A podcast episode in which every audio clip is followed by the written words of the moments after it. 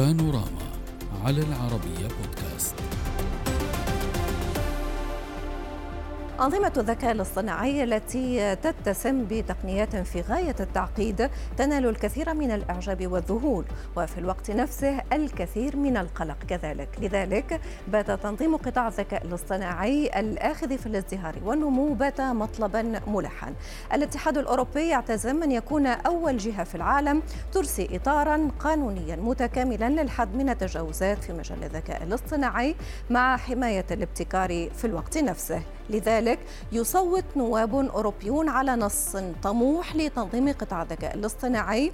أرجأ اعتماده مرارا آه، أو أرجئ بسبب نقاط الجدل المحيطة بهذه التقنيات. ويطالب النواب بمعايير أكثر صرامة مع مثلا ChatGPT مع إدخال حظر على أنظمة التعرف على المشاعر وإلغاء الاستثناءات التي تجيز لقوات الأمن التعرف على الأفراد في الأماكن العامة عن بعد بواسطة القياسات الحيوية. كما يعتزمون حظر جمع الصور بشكل عشوائي على الإنترنت لتطوير الخوارزميات بدون الحصول على موافقة الأشخاص المعنيين. وفي أمريكا من المتوقع أن يدلي الرئيس التنفيذي لشركة أوبل أي إل الشركة التي تقف وراء ChatGPT بشهادته في جلسة استماع للجنة القضائية الفرعية التابعة لمجلس الشيوخ الثلاثاء المقبل والتي ستركز على كيفية وضع الضمانات والرقابة على الذكاء الاصطناعي حيث يدرس الكونغرس تشريعا لتنظيم الذكاء الاصطناعي. نناقش هذا الملف مع ضيوفنا هنا في الاستوديو الدكتور أنس نجداوي الأكاديمي والمستشار في إدارة الأعمال الرقمية والتقنية. أهلا بك دكتور. وكذلك من القاهرة الدكتور أيمن الدهشان استشاري الموارد البشرية ونظم الإدارة الدولية. أهلا بك دكتور. واسمحوا لي أن أبدأ هنا في الاستوديو معك دكتور أنس. دكتور أنس السؤال الرئيسي في الواقع الذي يطرحه كثيرون خاصة مع ما نسمعه وما نطلع عليه بخصوص الذكاء الاصطناعي. هل يمكن للذكاء الاصطناعي الاصطناعي وبالتالي أو بالتحديد ل ChatGPT أن آه، يعوض الإنسان وكل ما يملك من مهارات وقدرات تعتقد؟ طبعا آه، بلا شك ال ChatGPT والكثير من التطبيقات المشاهدة آه، المشابهة أحدثت فعلا ضجة كبيرة إذ إنها تمكنت فعليا من أتمتة كثير من النشاطات التي كانت عادة تأخذ منا ساعات وأصبحت الآن خلال دقائق بسيطة.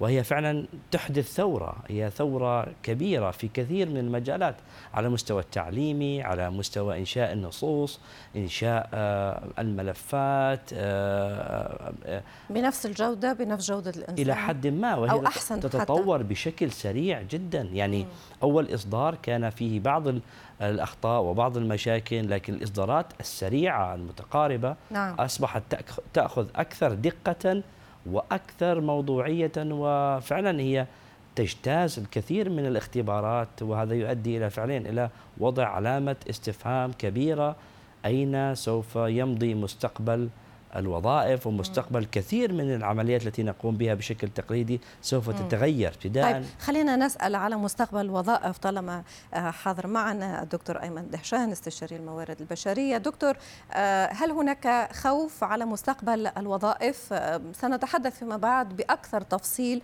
على الإيجابيات والسلبيات فيما يخص ChatGPT. ولكن هل هناك خوف حقيقي على الوظائف على وظائفنا على وظائف من يتابعونا؟ طيب خليني في البداية أرحب بحضرتك وأرحب بالجميع. آه، نحن الآن في عصر آه، التطور التكنولوجي وعصر التكنولوجيا وعصر الثورة الصناعية الخمسة آه، وهذا الجيل بيحتاج إلى المزيد من الوظائف. ستنتهي كافة الوظائف التقليدية. فقط دكتور دكتور هنا جي دي بي. فقط آه. دكتور دكتور أيمن آه، دكتور أنس هنا آه، يقول لك نحن في إطار الثورة التكنولوجية الرابعة وليس الخامسة. استبقنا بمرحلة دكتور أيمن. لا يعني إحنا على قدم على قدام من آه. الثورة الصناعية الخامسة أه. يعني إحنا رايحين ليها آه، ولكن خليني أقول لحضرتك إن إحنا أمام آه، يعني دايما سؤال هل التكنولوجيا هتلغي الوظائف الحالية اللي موجودة؟ لا إحنا بنتطور الوظائف بتتطور الوظائف بتتغير طبقا للاحتياجات اللي إحنا محتاجينها. النهارده شات جي دي بي بقى النهارده بيستخدم في تحليل البيانات في البحث في النشر في التسويق في العديد من الأمور. حتى الأمور الاجتماعية بدأ إن هو يتدخل فيها وبدأ إن هو يبقى ليه آه، مساحة مساحة كبيرة من آه، المهام والوظائف نعم. التي يقوم بها ففي الأوان التي نعيش فيها الآن كيف نتواكب مع هذه التكنولوجيا الجديدة كيف يكون لدى المجتمعات العربية آه، نعم. نصيب في هذا التطوير كيف يكون لدينا الأكاديميات الخاصة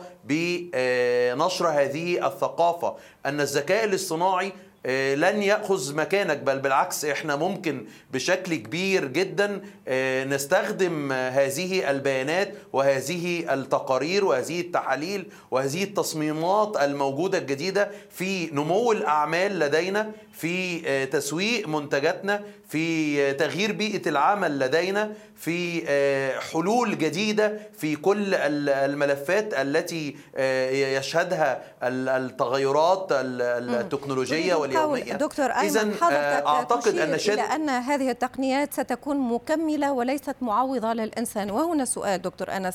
قد يقول البعض بأنها أو قد يخاف البعض ومخاوفه قد تكون مشروعة. يعني هناك حتى مظاهرات خرجت يعني مش مظاهرات كبيرة ولكن متفرقة في الولايات المتحدة الأمريكية. مجموعة من كتاب السيناريو بعد اطلاعهم على سيناريو كتب بطريقة جيدة جدا ممتازة.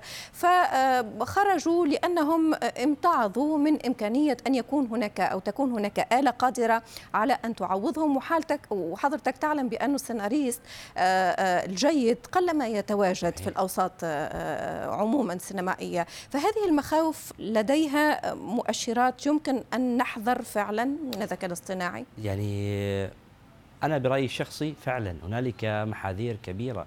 يعني أدعم ذلك بالكثير من التقارير والكثير من الإحصائيات وأيضا من خلال الشركات الكبرى. مم. شركة آي بي أم هي صرحت خلال الخمس سنوات القادمة سوف نقلص أعداد الموظفين عندنا 30% وهي شركات ضخمة تكنولوجية رقمية. هي تدرك وهي تعلم أنه الكثير من المهمات اليدوية والتي يمكن فعليا آه، آه، الاستغناء عن الإنسان من خلال الآلة.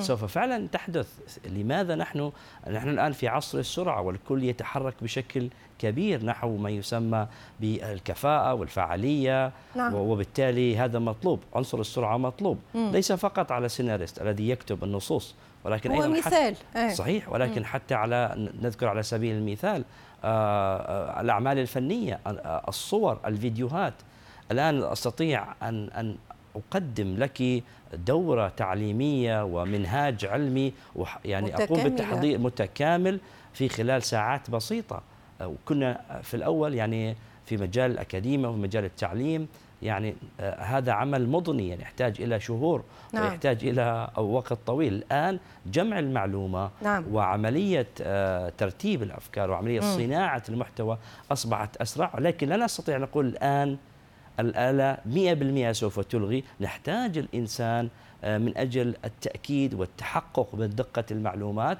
ولكن بأعداد أقل بكثير مما هو عليه قبل الذكاء طيب، الاصطناعي. طيب. هذا فيما يخص آه، آه، إيجابية وسلبية الذكاء الاصطناعي وبالخصوص ChatGPT، ولكن دكتور أيمن اليوم هل يمكن تحديد إطار قانوني فعلا للتحكم بمثل هكذا تقنيات؟ هل يمكن وضع إطار قانوني لضبط آه، آه، طريقة التعامل مع ChatGPT مثلا تعتقد الاتحاد الأوروبي اقترح ذلك وهو يسعى لطرح مثل هكذا فكرة. آه، البرلمان والكونغرس يدرس الآن هذا الملف تحديدا لأننا أمام تحدي جديد أمام تشريعات جديدة لم نكن نتوقعها من قبل. أعتقد أيضا أن الوطن العربي سيناقش هذا الملف لأن زي ما إحنا بنقول زي ما التكنولوجيا ليها مزايا والتكنولوجيا دي من صنع الإنسان. يعني لازم نبقى إحنا متأكدين إن التكنولوجيا اللي صنعها الإنسان اللي برمجها الإنسان اللي عمل السيارة السيارة اللي إحنا بنقول عليها السيارة الكهربائية والسيارة الذكية والسيارات الاي اي هو اللي عملها الإنسان. هو عملها الإنسان ليه؟ عشان يساعد ويسهل على نفسه عشان نقلل من التكلفة عشان نقلل من الوقت والمجهود اللي بيحصل. اذا ده اللي حصل عندما تم استخدام الحاسب الآلي لأول مرة آه، يمكن في بداية آه، الثمانينات أو نعم. أواخر الثمانينات في هذا العصر واضح. كان الإنسان آه، يشكو أن الحاسب الآلي هياخد مكانه اذا يجب أن يكون هناك تشريعات تأخذ الجانب الاجتماعي تأخذ الجانب الاقتصادي هل ده هيأثر عليا كدخل؟ هل ده هيقدر يتحكم في الأمور الاجتماعية عندي؟ ويمكن بدأنا نشوف إن في بعض الناس ابتدت تشتكي إن Chat GD, GDP ابتدى يأثر على حياتهم الاجتماعية. نعم. وابتدت بعض الزوجات آه، تأخذ آه، آه، هذا الشات كصديق ليها وبدأ إن هو يرشدها في بعض الملفات وبعض الأمور. هناك تفاصيل عديدة نحن حتى يجب أن يكون لدينا. الوقت الأكيد بأنه ولكن خلينا نبقى في إطار تقنين هذه التقنية دكتور أنس. سيقول البعض بأنه تويتر إنستغرام فيسبوك إن لم تتمكن القوانين من ضبطها على الأقل فكيف سيتمكن القانون من ضبط مثل هكذا تقنية فاقتهم تطور وتقدم؟ أتفق معك 100% في صراحة دائما التقنيات الحديثة آه، تتطور بشكل سريع وتحدث تغييرات إيجابية أكيد وسلبية بنفس الوقت. ومن ثم تأتي في المرحلة متأخرة جدا المشرعين ليقوموا بوضع ضوابط وقوانين وفي أغلب الأحوال تكون هذه متأخرة جدا. لكن ما نشهده الآن تحديدا على آه، تقنيات آه، الذكاء الاصطناعي التوليدية مثل ChatGPT وغيرها أنها تطورت بشكل سريع جدا يعني أقل في بضعة أشهر. آه، وأحدثت تغيرات كبيرة جدا بسرعة تفوق أيضا آه، ما شهدناه من تقنيات سابقة في في بضعة أيام أصبح عدد المستخدمين بالملايين. نعم. وهذا آه، صعب جدا أن يعني ندركه بآليات ضبط تشريعية فعالة. بشكل سريع. ففعلا الآن في في جميع المؤسسات وفي جميع مراكز الاستشراف والحوكمة في العالم هي في حالة طوارئ. طوارئ فعليا لوضع وسن آه، ما يسمى guidelines أو تعليمات استرشادية.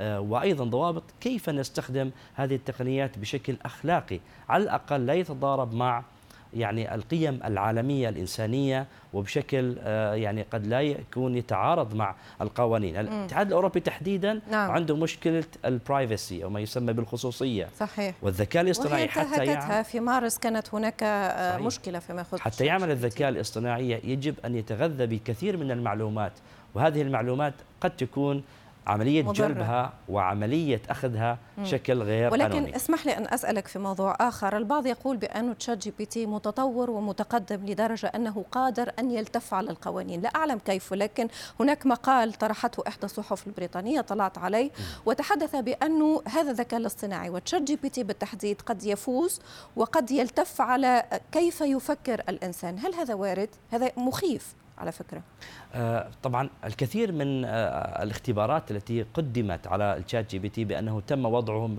في امتحانات آه، المحاماة وفعليا حصل على العلامات عالية يعني في إجتاز الكثير من الاختبارات المعيارية العالمية وهذا يدل فعلا على إتقانه وتحكمه ب الكتلة العلمية الحالية وقدرته أيضا نعم. في الاستنباط والتحليل وكشف نقاط الخلل والضعف الآن نعم. في مجال البرمجة يعني نستطيع أن نكتب آلاف من آه، يعني البرامج نعم. ويستطيع بسرعة اكتشاف أي خلل أو أي خطأ وهذا طبعا سوف يقلب الطاولة على المبرمجين وليس فقط على نعم. جانب حتى الفكرة.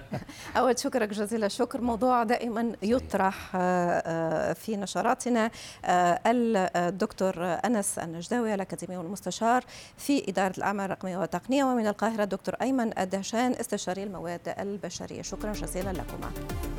السلام عليكم.